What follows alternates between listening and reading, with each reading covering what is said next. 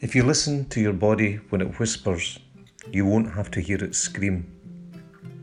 How often do we not listen to that gentle whisper, even when it increases in volume? Pain. It's also a message. A message maybe not to fear, but to respond to. Take action. That clearly is our choice.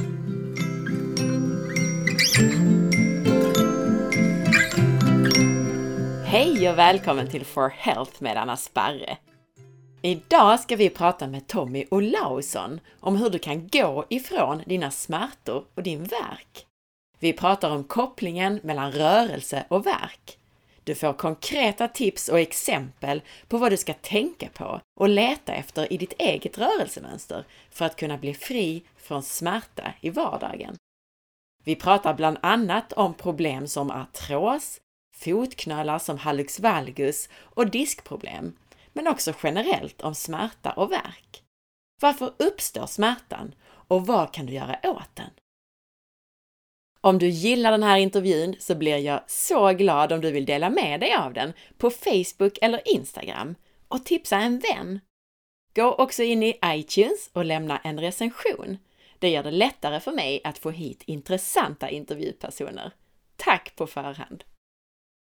Glöm inte att ladda ner mina e-böcker via fliken Böcker på forhealth.se och att boka mig som föreläsare till ditt event.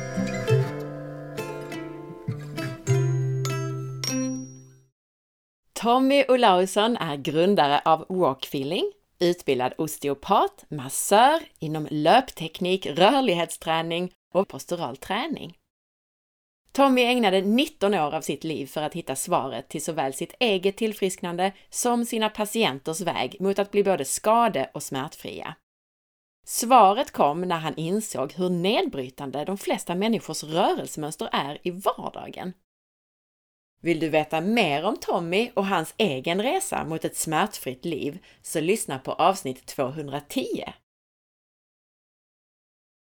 Så roligt att du är tillbaka Tommy!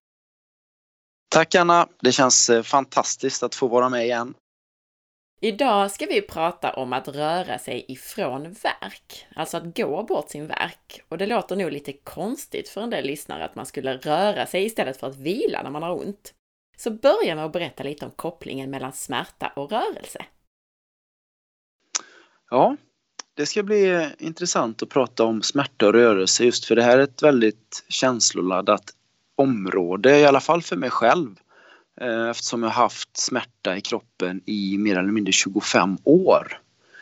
Eh, många skulle säga att det är att ha ont. Eh, jag var ju 13 år första gången jag kom i kontakt med smärta på riktigt. Jag hade problem med en häl och då en expert berättade för mig att jag aldrig mer skulle få springa. Och det var ju det som var mitt liv. Jag älskade fotboll, jag älskade rörelse, jag var ung, jag var talangfull på det jag gjorde. Och det påverkade mig jättemycket och har påverkat mig hela mitt liv sen. För där, där har det skapats en längtan i mig att få vara fri. Att kunna röra mig, känna mig lätt och inte bara höra och känna den här starka smärtan som jag då många år gjorde och framförallt.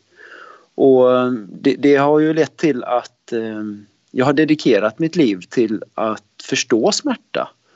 Eh, jag har studerat medicin i flera år, vetenskap, eh, osteopati, eh, postural träning, det som vi pratade om i första avsnittet och tittat på rörelse, hur människor rör sig och jobbat med ett par tusen klienter i totalt 14 länder. Och summan av allt det här betyder ju inte att det du och jag ska prata om här idag, Anna, är rätt eller fel. Eh, utan målet här är att vi vill dela med oss så mycket som möjligt och så mycket vi bara kan för att få en förståelse om smärta och hur rörelse kan påverka det. Och det är det som är så fanta fantastiskt här med Anders Hansen bland annat då som pratar om hur viktig rörelsen är för att vi ska må bra eh, både mentalt och i kroppen. Det är han hjärnstark Anders, eller hur? Ja, precis. Mm. Han ska, har han varit med i podden eller så kommer han säkert vara med snart. Nej, han har inte varit med, men han, han hade ju ett sommarprat här i, i somras. Ja, precis. Och det har varit väldigt, väldigt populärt. Mm. Och vet, eh, många både kollegor och vänner och så har ju inspirerats av det. Att, det. att det finns någonting som vi människor kan göra själva.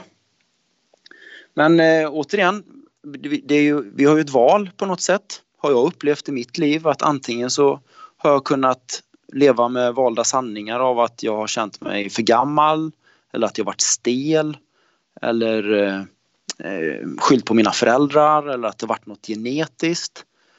Eh, men jag har också sett fördelarna av att vara öppen. Att tänka att det finns någonting nytt kontra som det har varit periodvis när jag har varit väldigt frustrerad och vilsen. Där jag har känt mig väldigt instängd och sagt att nej men det inget funkar och det här kan ju inte vara. Jag har varit väldigt skeptisk och så. Så, så det, det första jag nämnde är att min öppenhet eh, och det många av våra klienter också ser, eh, öppenheten, har hjälpt dem väldigt mycket att förstå kopplingen mellan smärta och rörelse. Jag vet inte hur det är för dig Anna, men om, om du känner någon som, som har ont i kroppen och, och, och känner sig begränsad i, i livet eller i rörelsen. Ja men absolut, alltså det är ju många klienter som kommer som, som har problem med värk och så. Inte minst de som har inflammatoriska sjukdomar, men, men det kan ju vara artros och liknande också. Absolut. Mm. Mm. Och det var bra att du sa det med, med sjukdomar, för fokus här idag är ju att prata om smärta och rörelse. Mm. Så smärtan är alltså kopplad till rörelse. Vi pratar inte sjukdom på något sätt. Utan det här är liksom mer den friska delen av smärtan. Man, man kan hantera sig själv, man ligger inte på sjukhus liksom. Så det är inte den typen av smärta vi pratar om idag. Nej, men däremot kan det ju vara kanske diagnoser som sitter mer, ska vi säga, i rörelseapparaten, tänker jag. Artros och, och liknande, ja. eller hur? Ja, precis. Men inte de här inflammatoriska ja. sjukdomarna som kanske i andra hand drabbar leder och muskler och så. Nej, precis. Infektioner och så vidare. Ja, ja, precis. För att bli lite konkret i det där med kopplingen mellan smärta och rörelser. Mm. Lite grann som du är inne på här, så de flesta människor tror ju att en del av lösningen när man har ont, det är mindre rörelse. Men vad säger du om det? Ja, jag, jag tänker att vi, om det är okej, okay, att koppla ihop båda de frågorna. Yeah. Med att börja bara definiera, definiera smärta. Att titta på vad, vad är smärta för något? För det är ju det är någonting som både du och jag har studerat väldigt mycket och det är någonting som jag ibland tar för givet att folk vet vad det är. Så jag tänkte bara titta lite på vad, smärta är och, och, när jag har sökt på nätet och, och, när jag har studerat och när vi har jobbat med vetenskap och sådär så en, en vanlig portal har varit International Association for the Study of Pain. Och de, de säger att smärta är en, alltså definitionen för dem är att smärta är en oroande känsla. Alltså någonting som vi känner och upplever som oftast orsakas av intensiva eller skadliga stimuli. Eh, och det på svenska eh, ska jag försöka översätta till att till exempel om man ramlar då kan man få en, att det gör ont eller att man bränner handen på en het platta. kan ju skapa en smärta om man sitter still väldigt länge med huvudet fram så kan det bli väldigt spänt och, och skapa smärta i huvudet liksom ganska relativt snabbt. Så det finns ju två typer av smärta som man pratar om då. Eh, och det är akut smärta. Det är man ramlar, man bränner sig på något sätt. Men sen det som också är intressant är då kronisk smärta, alltså långvarig smärta som man har pratat om och pratar om väldigt mycket och sätter diagnoser. Jag träffar massa människor som kommer och säger jag har, jag har kronisk smärta. Och vad är det då? Jo, till skillnad från akut smärta så varar det alltså över längre tid. Man har alltså ett återkommande stimuli som varar länge och när vi pratar om det idag här Anna så, så menar jag felaktig rörelse som man gör varje dag över lång tid. Man, man, man, går på ett sätt eller man sitter på ett sätt eller man står på ett sätt över flera månader som gör att det till slut börjar utlösa smärta i kroppen. Och det är oftast efter tre månader.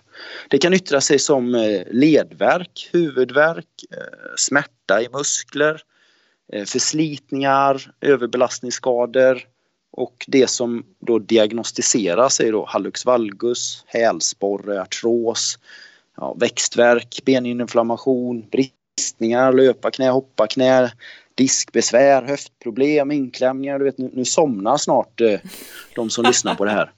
Men, men jag känner ändå att det, det är, är, bra att ta upp. Liksom, vad, vad, är smärta egentligen? Vad är det vi upplever? Vad är det när vi säger att vi har ont? Och, och då kan ni även söka på det naturligtvis. Men det är, det är mitt sätt att se på smärta. Och hur hänger det ihop då med rörelse? Jo, jag tränade en kille, en ung kille, han är 13 bast, eh, eller 13 år. Han heter Olle. Och han kom till oss här i våras och för han har så himla ont i sina hälsenor. Han älskar parkour, han älskar fotboll, han vill verkligen vara ute och röra sig. Men det gör så ont. Alltså varje gång som han försöker vara ute och röra sig så gör det så ont. Han eh, är otroligt disciplinerad för att vara så ung. Han har gått på sjukgymnastik i två år. Eh, och gjort övningarna jättedisciplinerat i princip varje dag. Och det har inte riktigt hjälpt. Han känner sig starkare. Men det gör fortfarande ont när han springer. Och när han kom hit och vi tittade på det här för att se liksom att vad gör du när du rör dig? Och då när, när han gick, så det första vi pratade om, det första han själv upptäckte det var att jag frågade var har du blicken någonstans Olle när du går? Han bara, ja den, den är ju lite ner, sa han. Jaha, på, men vad ser du där nere då? Nej, jag ser inte så mycket, sa han. Ja, men finns, finns, finns det någon annanstans som du skulle kunna ha blicken? Ja, upp, sa han då. Ja, hur, men vad ser du när du tittar upp? Och då skrattade han lite grann. Och sa, ja men här, jag ser ju mer. Ja, så om det, om det går förbi en snygg tjej här, sa jag till honom då, då blir han ju lite röd då. Eh, han bara, ja men då om jag tittar ner så, så ser jag kanske inte henne. Nej, det har du rätt i, sa han. Men vad händer om du tittar upp då? Ja, men då man ser ju mer, man ser henne, man ser mer av världen och ja, men var, var vill du ha blicken? Nej, jag har aldrig tänkt på det, sa han. Men då skulle jag nog hellre vilja ha den upp. Jaha, vad, hur känns det i kroppen? Och omedelbart när han tittade upp så kände han att det var mindre belastning på hälsenorna. Så hälsenorna som han haft ont i så länge, han har tränat jättemycket. Så bara av att han lyfte upp blicken, och nu är ju detta Olles fall, alla människor är helt unika som vi kommer tillbaka till sen. Men då kände han att han andades friare, han blev lättare i kroppen och det blev mindre belastning på hälsenorna. Det var inte hela lösningen för honom. Men det gav honom ett hopp att om jag förändrar hur jag rör mig så kan smärtan bli mindre där jag har ont. Och om ni som lyssnar på det här känner någon som har ont, känner sig begränsad i kroppen så är detta helt avgörande för dem. Att de får lära sig och inse att hur de rör sig på dagarna påverkar hur de mår i kroppen. Det är så viktigt att vi börjar prata om det här och att människor börjar inse hur det faktiskt hänger ihop. Och Olle är ett så bra bevis på det. Och när jag frågade honom, Olle, du är 13 år. Du, du har inte lärt dig så mycket konstiga grejer som jag har gjort än. Om jag frågar dig, hur kommer det sig att du har ont? Och då sa han det att, för mig är det väldigt enkelt. Jag rör mig fel. Och det gör att jag får ont. Och då hjälper det inte att jag gör övningar för att korrigera. Jag måste lära mig att använda musklerna. Det hjälper inte att stärka muskeln. Och när jag använder den bättre, då känns det bättre. Och killen är 13 år och säger detta. Och det är ju ren musik i mina öron. Ja, det var det. Men så det du, det du säger här egentligen, det är att smärta i många fall beror på att man rör sig fel och att man då kan korrigera det genom att, att ändra hur man rör på sig. Ja. Ett eh, annat exempel var i helgen. Det var en, eh, en tjej här som hade eh, väldigt ont i sitt bäcken. Och hon var diagnostiserad för att det var snett. Hela helgen när hon var här på kurs så stod hon och hängde ut på ena höften. Du vet man kan man står och hänger på höften. Mm, det gör ju de flesta, man har en höft och, på. Mm. Ja, precis. Och då och hon var så ledsen för det, för hon, hon bara, ah, det är så mycket problem med min kropp och nu, nu har jag insett att mitt bäcken är snett också. Och då när jag frågade henne, men kan du stå på något annat sätt? Ja, men det är så jobbigt när jag står liksom i grundposition och står med fötterna ihop, utan det, det är skönare att stå och hänga ut. Och då sa jag, men tänk om det är att du står och hänger ut på höften som gör att bäckenet blir snett. Och då tittade hon och så sa hon, men så du menar om jag står rakare så kanske bäckenet blir rakare? Ja, vi kan ju prova i alla fall. Det verkar ju inte som att du stod och hängde ut att det gjorde det rakt. Och då, då, och då testade hon det här hela helgen. Och då kände hon liksom hur kroppen var obekväm med att vara i det som var naturligt för henne. Att stå avslappnad och fötterna liksom med höftbredd och avslappnade axlar, andas med magen, blicken upp. Det kändes jätteobekvämt för henne. Men att stå och hänga ut snett kändes bekvämt. Och att det då gjorde liksom att kroppen blev helt sned. Så det är en jätteintressant koppling som du säger att börja titta på. Vad gör vi med kroppen?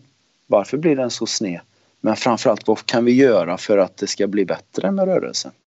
Och där kom du lite in på det som var min nästa fråga tyckte jag nu när du beskrev det exemplet här. Och det är vad kopplingen ja. är mellan rörelse och läkning.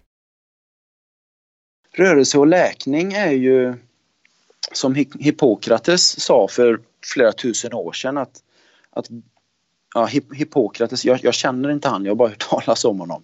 Ska jag förklara. Det sägs att han ska vara fadern till läkekonsten. Eh, och han ska ha sagt då vid den här tiden att gå är kroppens bästa medicin. Och Anders Hansen i modern tid som skriver boken Järnstark och är väldigt eh, på tapeten nu även med en ny serie här på SVT där han pratar om läkning i rörelse. Där han menar att, att röra sig är samma sak. Det får kroppen att läka, att må riktigt bra. Ingen av de här två fantastiska männen har pratat om hur man rör sig för att läka sig.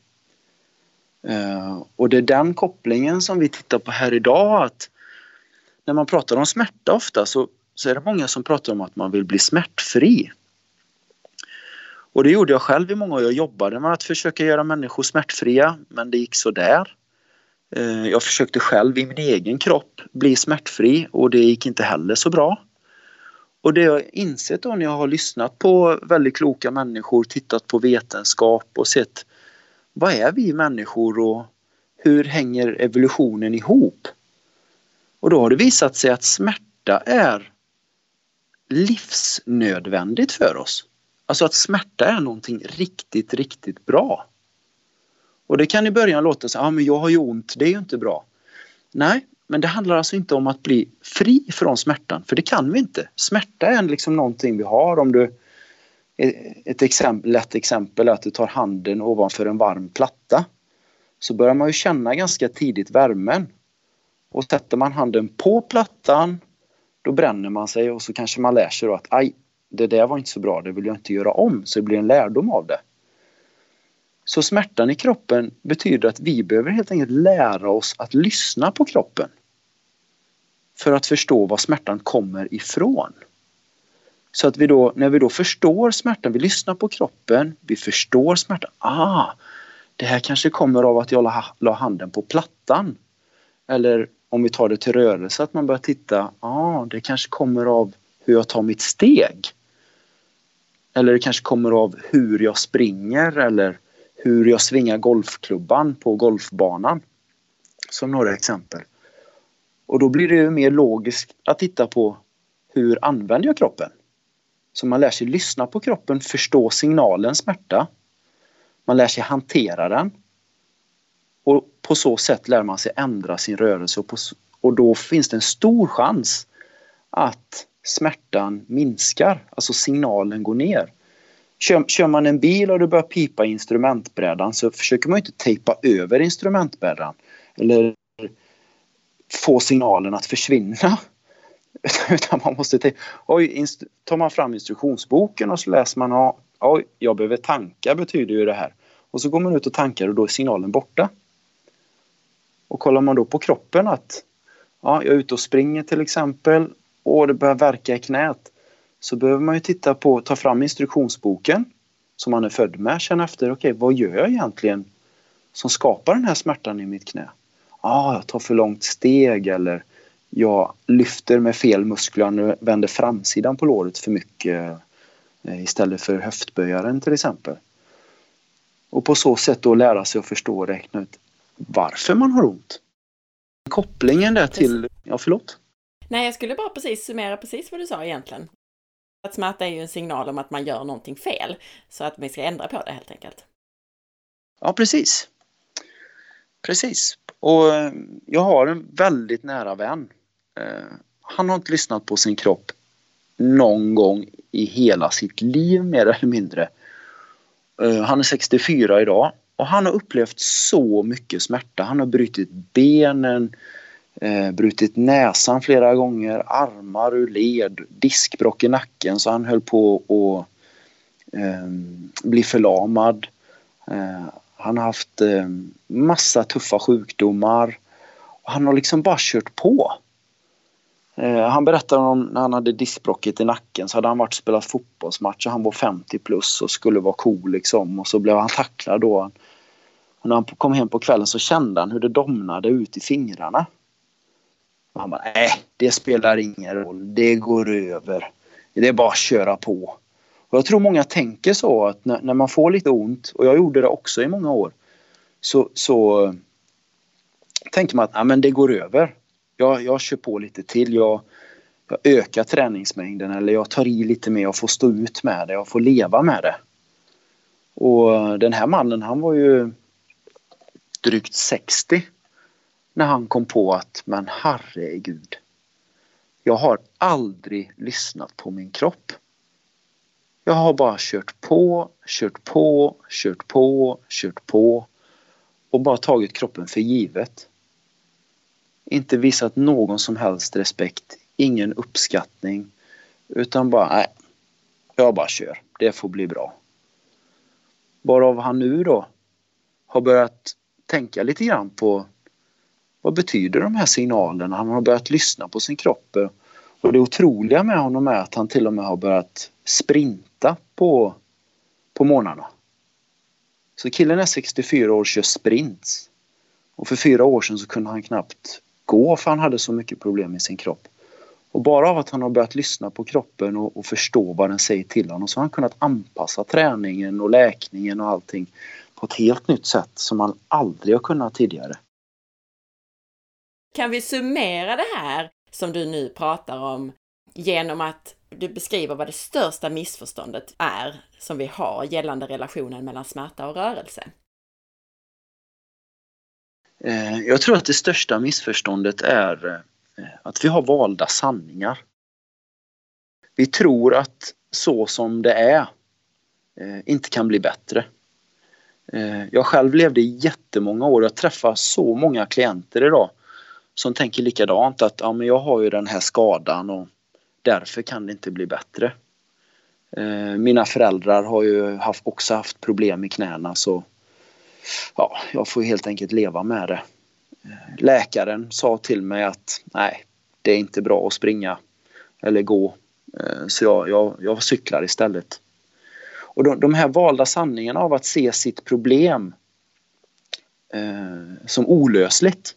Jag tror att det är det största misstaget vi har gjort. Och jag har träffat ett par personer som har inspirerat mig så otroligt mycket. Eh, det är en tjej, Sharzad Kiavasha heter hon och en annan kille, Kristoffer Linde. Båda de fantastiska människorna eh, har drabbat av, drabbats av olycka och sjukdom där de har mist kroppsdelar. Och deras livssyn är helt otrolig. Jag vet eh, när hon skulle lära sig att gå i sina proteser Eh, jag träffade henne vid ett tillfälle i början. Hon skulle börja sin träning och återgå till det. Eh, till, eller lära sig använda proteserna. Så eh, hennes drivkraft var inte att lära sig gå i proteserna utan hennes drivkraft var att springa i dem. Och när hon efter ett par veckor kände att hon kunde springa i dem då bestämde hon sig för att göra en, en olympisk Ironman. Och för att göra en lång historia kort så, så slutade det med att hon tog eh, eller hamnade på femte plats på OS i Paralympics bara två år efter sin operation. Häftigt. Och det, ja, det är så coolt. Kristoffer eh, Linder då, den andra killen, han kom till mig, eller till oss och, och sa att om, om ni kan förbättra min funktion med en procent. Och den här killen han, han har inga ben, en arm, ja, en halv bröstkorg nästan. Alltså han, och han lever ett fullt funktionellt liv.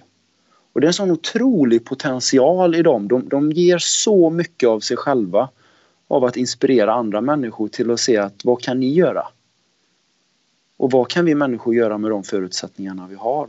Så ett begränsande, det blir ett långt svar, men ett begränsande tankesätt av att det här går inte tror jag är den största missuppfattningen vi någonsin har, har gjort när det kommer till läkning och rörelse. Vi, vi ser ju kroppen som ett team. Vi, vi ser liksom som ett lag eh, att alla delar i kroppen ska jobba ihop. Och så, så andra delen av det svaret är att det andra vi gör fel det är att vi fokuserar bara på vårt smärtområde. Istället för att titta på hela kroppen och se att wow, jag har ju massa delar som faktiskt fungerar i min kropp. Och hur kan jag lära mig att använda dem bättre så att det stödjer mitt problemområde? Utan det är många som, som har verkligen fokus, ja men jag har ont i knät. Ja men vad händer i alla andra delar i kroppen? Om vi jobbar med dem, alla andra de delarna så kanske det kan hjälpa knät att eh, läka och bli starkt. Istället för bara liksom ha fokus på att knät ska bli bra. Precis, och det var ju det du illustrerade med de där första exemplen egentligen. Det här killen då som tittar ner i marken, han hade ont i hälsenorna men han tittade ner i marken. Det var blicken som gjorde en, en väldigt stor skillnad för honom. Och sen den här tjejen då mm. som stod på ett felaktigt sätt så att säga. Mm. Så att man inte bara fokuserar, precis som du säger, på en punkt i kroppen. Det var ett jätteklokt svar. här när vi pratade så nämnde du ordet unikt. Och då är min fråga mm. egentligen, är lösningen på smärtproblemet unikt för individen eller finns det också gemensamma lösningar för alla? Ja, jag är helt övertygad om att, eh, och det gäller ju, det är ju mitt personliga, min personliga åsikt att jag tror att lika, lika unika som vi ser ut, alltså om vi tittar oss omkring i samhället så ser vi ju att det är inte många som är lika oss själva. Och lika unik tror jag att lösningen är på våra problem. Mm. Och för att, hit, för att hitta den lösningen för sig själv så är det lite av de bitarna vi pratade om i början. Som eh, eh, en annan kvinna, Louise, upptäckte. Hon, hon kom hit för ett par år sedan och hon hade väldigt, väldigt ont både i kroppen och knoppen och eh, hade testat det mesta. Eh, hon hade testat olika träningsprogram och olika behandlingsformer men ingenting hade passat henne. Och eh, när vi började gå med henne och så upptäckte hon att hon, hon gick lite för fort, hon gick lite för hårt eh, och hon gick och tittade ner. Hon spände sig samtidigt, hon andades väldigt ytligt. Och, och hela det mönstret för henne gjorde att hon hade ju svårt att läka och ta till sig behandlingar. För att hon oskyldigt, när hon inte var på behandling utan de övriga 23 timmarna, så gjorde hon saker som, som hindrade läkningen. Och det gick ganska snabbt för henne att upptäcka de här sakerna och när hon började ändra det eh, så började hon må väldigt bra. Och två år senare när jag pratade med henne så frågade jag vad, vad är det bästa som har varit under de här åren för, förutom att du börjar må väldigt bra. Och då sa hon att det bästa är att jag har fått upptäcka själv vad som är unikt för mig och vad som är unikt för min kropp och jag har fått göra det i min egen takt.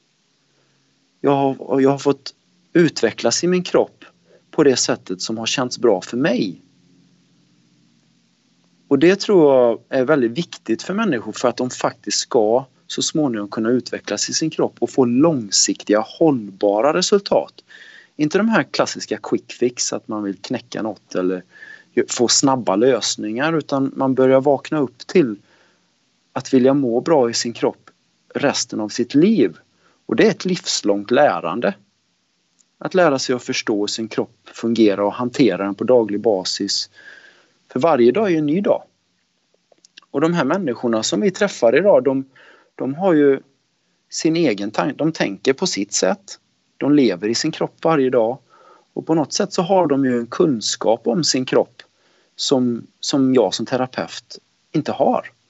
Och det betyder att de, vet, de kan ju sin kropp mycket bättre än vad jag kan. Så bara för att jag har läst några böcker så, så kanske det inte är det träningsprogrammet jag tycker de ska ha. Eh, och den förändringen när vi träffar människor, där människor själva får vara delaktiga i processen och, och, och känna vad som är rätt för dem, har varit helt avgörande för deras läkning. Ja, jag håller med dig helt och jag tror verkligen att det är så här som du beskriver, att det är unikt. Alltså för den ena killen så var det blicken, för den andra tjejen så var det hur man stod och för den här tredje kvinnan så var det att man skulle gå mjukare till exempel och slappna av mer. Mm. Och samtidigt då så tror jag att det vi behöver hjälpa lyssnarna med, det är mm. det som du är så himla duktig på att se. Du har ju redan nämnt ett antal saker som man kan lite grann reflektera över eller leta efter. Du har nämnt att blicken kanske bör vara uppåt. Man bör stå hyfsat jämnt på benen. Avslappnade axlar har du nämnt. Att man inte ska ta för långt steg. Att man ska använda höftböjaren när man springer eller rör sig. Att man inte bara ska fokusera på själva smärtområdet har du sagt. Att man ska gå mjukt och inte för fort och så vidare. Mm. Så att min fråga till dig är, finns det fler sådana här saker som man själv bara kan se till att reflektera över. Alltså hur gör jag gällande det här? Mer sådana här saker, för att jag tror att du med din blick egentligen vet vad du ska leta efter. Vad kan man som lyssnare själv reflektera över? Ja, alltså tack för komplimangerna för det första. Eh, och, och det andra, så, så observant av dig att plocka upp de här sakerna. Och jag säger alltså, om man använder det som du har sagt nu om man får till de komponenterna i sin kropp på daglig basis så börjar man må riktigt bra. Eh, och det som är med de här komponenterna som du nämner här, de här olika delarna, det, det, det är bara att vi, vi har aldrig fått utbildning i hur vi ska använda dem.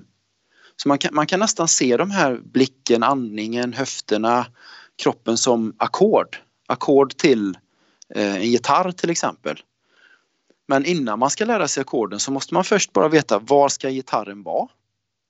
Var ska jag ha den i knät? Hur ska jag ha armarna? Sen får man lära sig hitta strängarna. Eh, och sen får man veta var man ska ha fingrarna. Och sen får man lära sig ackorden. Eh, och det är så mycket, de här att lära sig använda de här. Det är så viktigt att man gör det på rätt sätt. Sen kan man självklart lära sig att spela de här ackorden själv. Men det kan ta lite lång tid. Men om man gör det som du har sagt här så är det väldigt stor chans att det kan bli eh, väldigt, väldigt bra. Eh, ett annat exempel på det, vi hade en, en väldigt välutbildad eh, sjukgymnast här häromveckan.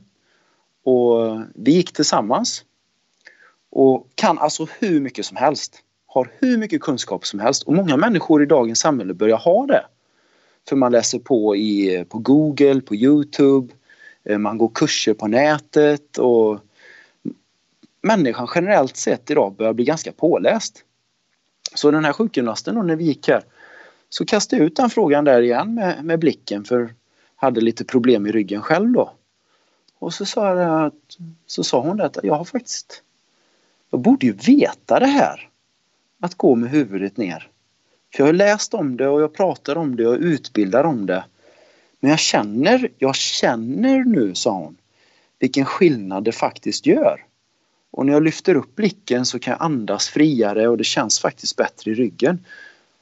Och då blir hon förbannad. Och sa, men vad fasen.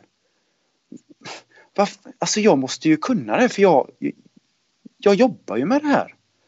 Och då sa jag det till henne att det är inte så det funkar. Vi människor har i modern tid, modern tid fått overload av kunskap. Så vi har inte hunnit känna in allt som vi har lärt oss. Men när du får lära dig att känna in det, då får du kunskapen till hjärtat och inte bara till huvudet. Och det är en viss skillnad. Men om, om de personerna som lyssnar här nu verkligen tar till sig det som du la ut där Anna, så, så är det stor chans att de kan få en fantastisk rörelse. Och med det att lära sig lyssna på kroppen och hantera den på ett bättre sätt. Då. För det, var mång, det är många nycklar i det som du säger där. Men det kan, det kan vara svårt att få till det själv. För vi har så många underliggande mönster och tankar då som hindrar oss från att faktiskt få till det på det korrekta sättet utifrån hur vi, hur vi ser ut och hur vi är designade. Precis, och den hjälpen kan man ju få om man kommer och går med er, eller hur? Hos Walkfeeling.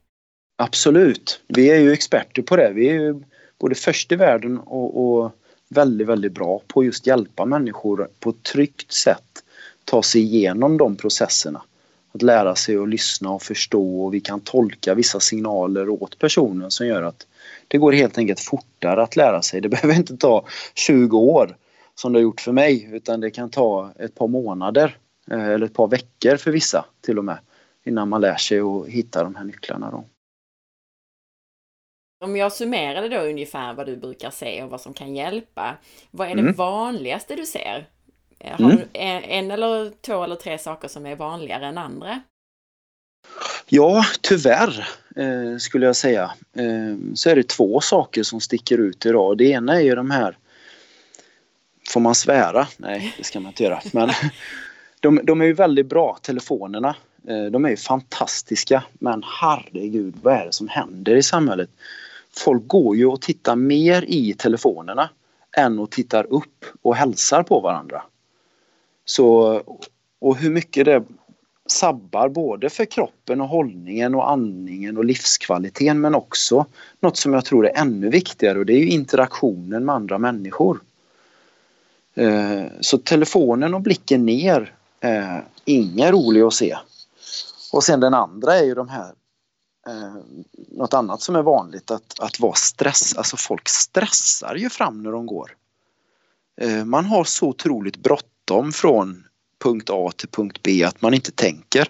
Och ett bra exempel på det, en dansare vi hade här i våras som jätteduktig dansare, varit med i Melodifestivalen och eh, verkligen eh, på en hög nivå.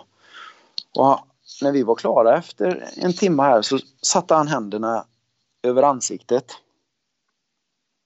Så satte han händerna över ansiktet och så sa han Men herregud vad pinsamt att jag inte tänkt på det här. Det här är ju så viktigt. För när jag är i danssalen då tänker jag på varje steg jag tar. Jag vet exakt hur jag använder fingrar, händer, ögonbryn, huvud, armar, golvet, rytm, takt. Allt bara liksom flyter på. Men det känns som att när jag går utanför danssalen efter jag varit här, sa han, så är det ungefär som att jag lyfter ur hjärnan ur huvudet, lägger kvar den i skåpet. För när jag inte är i danssalen så tänker jag inte på hur jag rör mig alls. Jag tänker inte på hur, hur steget är, jag tänker inte på hur jag sitter, jag tänker inte på hur jag står utan jag bara kör på. Och jag har ju jätteont i kroppen eh, när, när jag rör mig utan. I, I danssalen inga problem men utanför har jag massa problem. Jag bara, ja, det är ju ganska logiskt. Så han skulle verkligen börja liksom tänka till lite. Vad gör jag egentligen när jag inte dansar? För att börja optimera sin kropp även utanför där. Och nu har vi ju kört en 10-15 gånger med han här.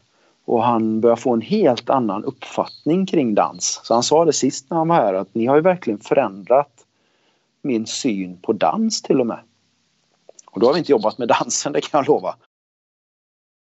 Och det du säger då som det andra vanliga problemet, det här att man är för stressad och har för bråttom. Det är ju då egentligen att man tar ett för långt steg och man går för fort och kanske för hårt. Är det det som, som blir följden av det? Ja, och att folk spänner sig. Shit alltså vad de spänner sig. Eh, man spänner hän- du, du kan se knogarna på händerna på folk för de är så spända när de går. Eh, I kombo till det du sa med steglängden och det här och att de går hårt och tungt och spänt. Och, så det är många osynliga spänningar som de här personerna har som de inte ser och som de inte känner. Eh, som då begränsar dem i livet och som vi pratade om innan då skapar kronisk smärta efter ett tag. När man har nött kroppen med för dåliga mönster helt enkelt. Och då kan man ju lyssna, om man nu tvunget ska ha bråttom så kan man ju lyssna på det här första avsnittet vi gjorde, 210, där mm. man där vi också pratade om det här med olika växlar, att man kan småspringa hellre då än att gå med ett långt och hårt steg. Ja, precis. Mm. Det var mycket bra info i första avsnittet med. Ja, det var det verkligen. Så det rekommenderar jag alla att lyssna på som en grund till det här. Och det jag tänker nu då är att jag skulle gärna vilja komma in lite grann på några vanliga diagnoser. Du har redan nämnt lite grann kring det, men jag tänker då artros är ju extremt vanligt att man får till exempel i höft eller knän. Mm. Om du då skulle beskriva varför man får det, vad skulle du säga då? Jag har ett jättebra exempel på det. En kvinna i 60-årsåldern, precis gått i pension. Hon har längtat efter sin pension hela livet. Men nu har hon fått artros. Eh, precis sin diagnosen artros. Och jag frågade henne att vad, vad har man tittat på när man har gjort din artrosen? Ja, det har framförallt varit röntgen. Man har gjort undersökningar och hon har fått träningsprogram för det här och, och det känns ju liksom inte bra. Eh, och hon kan inte gå i trappor och hon kan inte gå för det gör så ont. Och då frågade jag henne, är det någon som har tittat på dig när du går eh, i trappor eller när du går? Hon bara, nej. Nej, så ska vi ta och titta på det? Ja, tyckte hon. Så vi tittade på när hon gick. När hon gick i, framåt så gick hon och haltade på ett sätt eh, som hon själv inte kände och det satte belastning på knät. Så när, när hon haltade då ökade alltså belastningen på det benet som hon hade artros i. Och detta kom från en gammal, gammal skada, den haltningen. Och då la hon belastning på låret. När framsidan på låret belastas då drar det i knäskålsenan så det trycker ihop knät. Och det gjorde ju att det gjorde ondare för henne när hon gick. När, hon, när vi sen gick till trappan så såg vi liknande mönster att när hon gick ner så så istället för att böja i knät så sträckte hon på knät och det blev att steget ner blev väldigt långt. Och då blev det väldigt hårt. Och det gjorde ju också att det skapades massa tryck i knät då. Och eh, när vi då tittade på de här sakerna och började se att hur kan vi göra det här mer skonsamt för dig?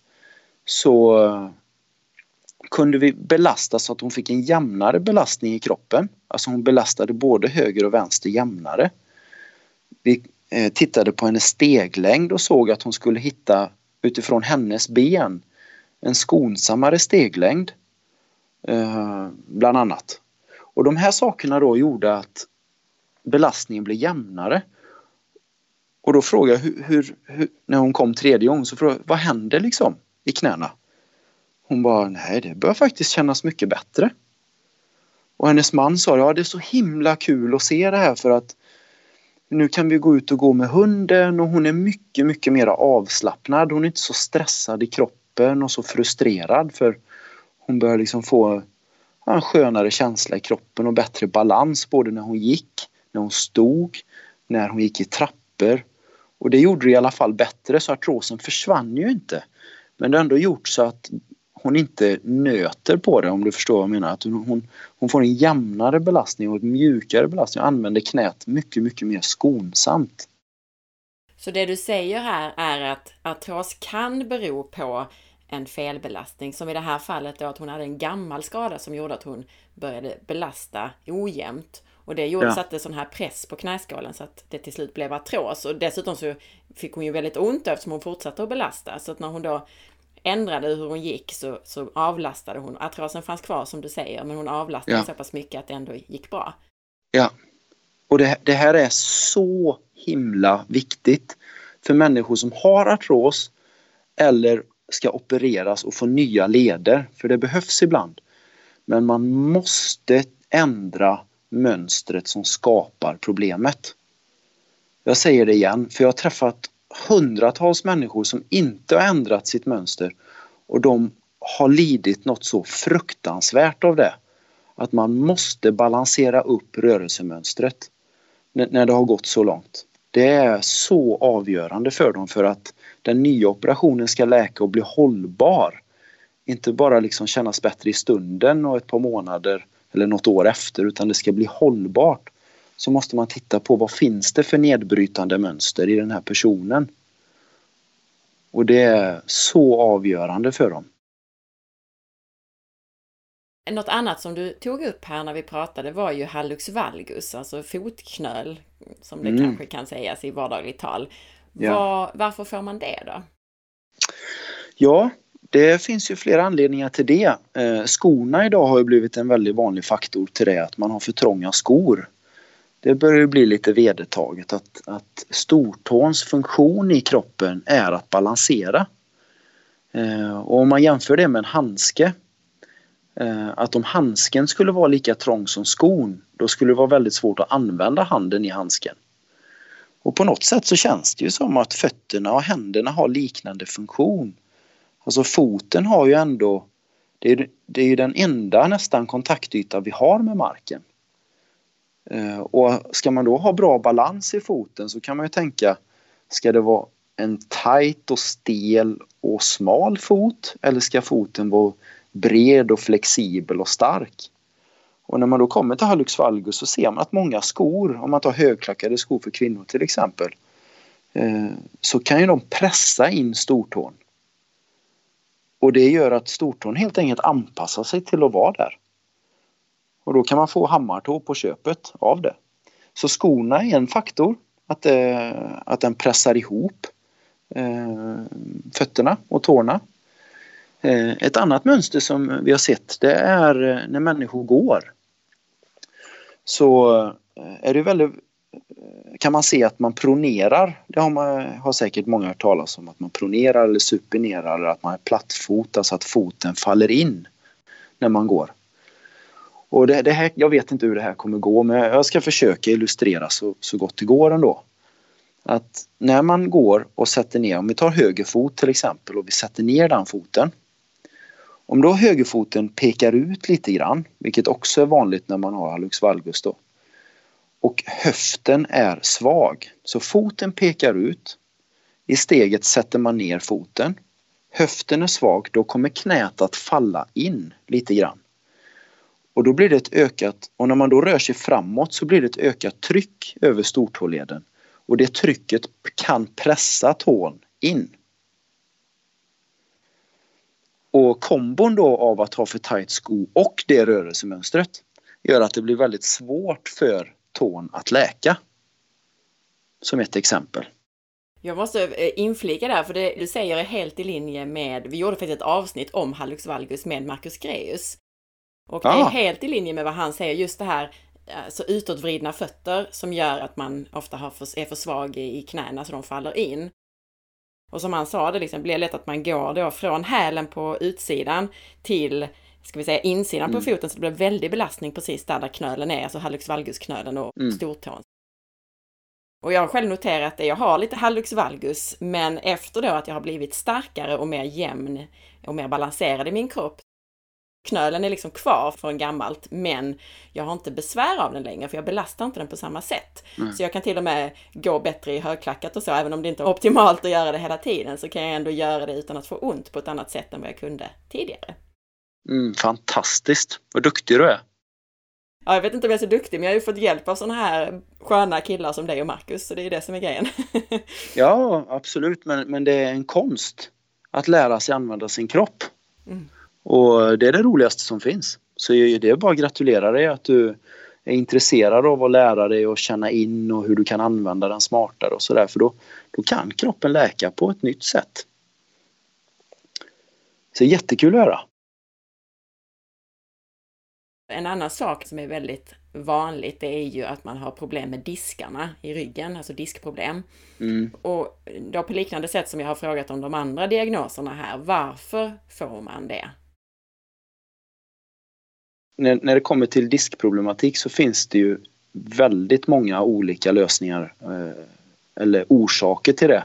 Just för att diskarna sitter ju, om man tar ländryggen till exempel, så sitter den ganska mitten i kroppen för det är jättevanligt idag att människor får diskbråck då kring eh, L5 S1 som det heter. Det är alltså mellan bäckenet och ländryggen. Att disken där trycks ihop. Och då kan man ju titta nerifrån kroppen till exempel och se att eh, man tar ett hårt steg med ett rakt knä. Då blir det en väldigt tydlig stöt. Och det kan man ju, det kan man ju testa att man, om man står på ett ställe och hoppar en decimeter rakt upp och landar på hälarna med ett rakt knä. Det, det kommer göra väldigt ont. Och om man gör det då 10 000 gånger per dag i steget så kan ju det skapa ett tryck underifrån upp i diskarna. Så, så det är ju en orsak till det. Eh, en annan är ju om man tar uppifrån till exempel. Med, vi pratade om telefonen innan, att man, och det kan man också testa, vad som händer om man sitter eller står att, och, och börjar luta huvudet lite framåt. Huvudet väger ju ändå 4-5 kilo. Det är ju mycket alltså. Och, och, när man då tippar det framåt och neråt, hur belastningen då ökar ner och, och trycket ökar ner i, i ryggen.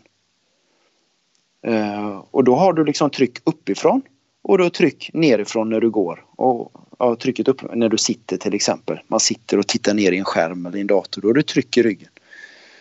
En annan sak är ju att man tyvärr idag har fått någon typ av övertro när det kommer till core-träning.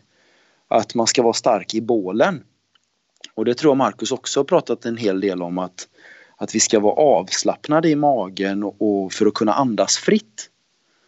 Och det är ett annat exempel man kan göra och testa själv om, om man sätter händerna vid ländryggen och så spänner man magen.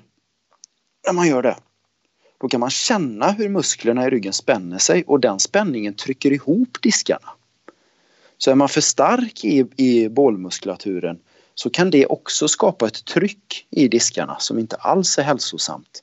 Sen är det bra att ha liksom en stabilitet i magen men vissa, vissa tränar så mycket core så de blir för starka i ryggen. Och då i kombo med att de går och tittar ner och går med för långa hårda steg så är det kört för diskarna, de har inte en chans. Det är också lätt hänt om man, om man går och spänner magen att man planar ut svanken lite grann. Ja. För att man kanske spänner samtidigt sätesmuskeln och så, så blir man lite, lite för rak. Man får ett bakåttippat bäcken. Ja, ännu ett bra exempel. Bakåttippat bäcken, ibland kan det vara framåttippat. Och ibland är det vridet och roterat. Så det, finns så många och det, så diskproblematiken är otroligt individuell. Det är jätteviktigt att titta på varje individ. Det finns liksom inte samma lösning till alla. Det, det bara är så utan alla har liksom sitt steg och sina vinklar och sitt sätt att röra sig och, och där är det också mycket som man kan titta på och, och jobba med. Min nästa fråga till de här sakerna var ju egentligen vad man kan göra själv och då gissar jag att det är egentligen de här sakerna som vi har pratat om, det som du har gett i dina exempel här. Alltså att man ser över liksom, var har jag blicken? Hur ser mitt steg ut? Är det mjukt? Är jag avslappnad i axlar, i mage och så vidare? Kan jag andas fritt och så här? Mm. Eller är det någonting annat ytterligare som du tycker man ska tänka på? Nej, men jag kan bara belysa eh, hur, hur det påverkar. Vi hade en, en kille här för eh, något år sedan som har vunnit NHL tre gånger, alltså en hockeystjärna. Eh, och han missade hockey-VM på grund av ryggproblemen. Och när, när vi eh, tittade på han här så vi, vi hittade elva saker som han gjorde av det vi har pratat om här nu med steglängd och eh, han sträckte benen, översträckte knäna, han spände magen för mycket och han eh, lutade sig framåt när han stod, han satt och korsade benen, han hängde över, eh, stod och hängde på ena höften när han stod och sådär. Och alla de bitarna tillsammans gjorde ju att hans rygg inte kunde läka. Så han var dessutom väldigt framåtböjd då som hockeyspelare så det gav ju också mycket belastning. Så alla de här olika komponenterna oavsett vilken den man har och hur den än fungerar så är det ju bara väldigt intressant att börja titta på vad gör jag med min kropp? Och börja eh, söka hjälp och undersöka liksom att hur, hur, kan jag lära mig att använda den här och alla mina kroppar, kroppsdelar liksom som en enhet. Vi har ändå 650 muskler och 206 ben. Så vi är komplexa och rörelse är inte enkelt. Och tyvärr så är det många människor som själva försöker lösa sina problem och, och själva liksom försöker komma på vad de ska göra. Och det kan vara bra. Men det är inte alltid att det är bra för det är inte säkert att man gör rätt. Och, eh, och det var ju Niklas ett bra eh, exempel på. Att, eh, att han kunde hitta ett par enkla saker då som var rätt för honom. Och det gjorde snabbt skillnad så att ryggen kunde börja läka och återhämta sig. Tusen tack för alla de här bra exemplen Tommy och eh, att vi kom in lite grann på de här vanliga problemen. Jättefint! Mm. Och nu gissar jag att det är många som är mer nyfikna och vill veta mer. Berätta lite, dels om var man hittar dig och er och vad ni har på gång. Ja, eh, om det är någonting som man hör här som låter intressant men att man kanske inte riktigt förstår det så är man varmt välkommen att kontakta oss. Alltså vi, vi vi bokar av möten där vi personligen pratar med folk och försöker hitta lösningar och hjälpa, hjälpa er att förstå. Att göra det här komplexa enkelt, det är ju det vi är experter på. Så vi, vi har byggt eh, och skapat här i Mölndal, Göteborg, en rörelsepark som är 1000 kvadratmeter. Och här inne har vi rörelseanalyser, vi har rörelseträning eh, för privatpersoner och företag. Och framförallt så har vi också en academy där vi, vi utbildar människor till att få en ny karriär eller att eh, komplettera sin kunskap. Eh, att jobba med det här. Så det är ett par olika delar som vi har på gång här som funkar så himla bra. Jag, jag ska dela med mig av någonting som vi aldrig har delat med oss av förut eh, överhuvudtaget. Men det känns som att det är rätt tid att göra och en rätt kanal att göra det i. Och det är att människor, vi har tagit statistik under två år och människor som har varit i, i walkfeelings process att lära sig använda sin kropp i mer än sex månader. 97 procent av dem har en tydlig förbättring. Det är alltså inte, det är inte två eller tre personer utan 97 procent har en tydlig förbättring. Ja, det är helt otroligt och det, och det är för att människor aldrig har fått lära sig använda sin kropp utifrån så som, vi, så som personen själv ser ut och är designad och faktiskt som, har som egna önskemål för vad de vill göra. Och det är riktigt häftigt att vi äntligen i modern tid har någonting som vi kan hjälpa människor att återta kontrollen på sin kropp och lära sig uppskatta den och kunna få leva liksom med, med frihet igen och känna sig lätt. Så jag känner mig så privilegierad att, att få vara del av det här och att kunna hjälpa människor att få känna sig fria igen. För det, det är våran... Vi är födda till det. Precis som barnen, att få känna den här lätta eh, känslan i vår kropp, även som vuxen. Hur kommer man i kontakt med er? Det gör man bäst på eh, walkfeeling.se där kan man väldigt enkelt antingen mejla oss eller skriva in sitt telefonnummer så att vi ringer upp så att man pratar med oss. Så ser vi till att eh, eh, boka ett möte och så snackar vi om hur vi kan hjälpa er som privatpersoner eller på företaget. Då. Jättebra Tommy, väldigt generöst med bra tips och exempel här idag. Så tack snälla för att du tog dig tid att vara med igen. Och så kommer vi ju att höras här framöver och göra fler avsnitt, eller hur? Ja, det ska vi göra. Och stort tack själv Anna för att eh, du hjälper människor att förstå att eh, det, finns, det finns någonting som faktiskt kan hjälpa dem. I att de själva kan lära sig använda sin kropp. Så ett stort tack till dig Anna! Ja, men tack! Och bara för att ge en liten sån här teaser eller cliffhanger, så det vi kommer att prata om här nu under hösten är ju bland annat hur man med enkla vardagsrörelser kan minska sin stress, är det ena. Och det andra är att man faktiskt kan röra sig, träna alltså, och återhämta sig samtidigt.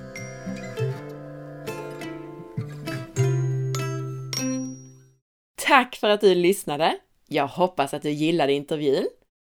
Om du gillade podcasten så glöm nu inte att dela den och tipsa andra. Missa inte heller att följa med på facebook.com forhealth.se och på Instagram via asparre. Veckans recension i iTunes är från A. Knutas som skriver Bästa podden ever! Anna är kunnig, påläst och har förmågan att hitta en otrolig bredd och kunskap i sina intervjuer.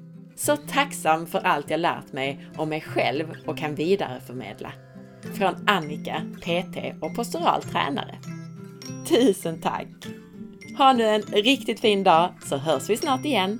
Hejdå!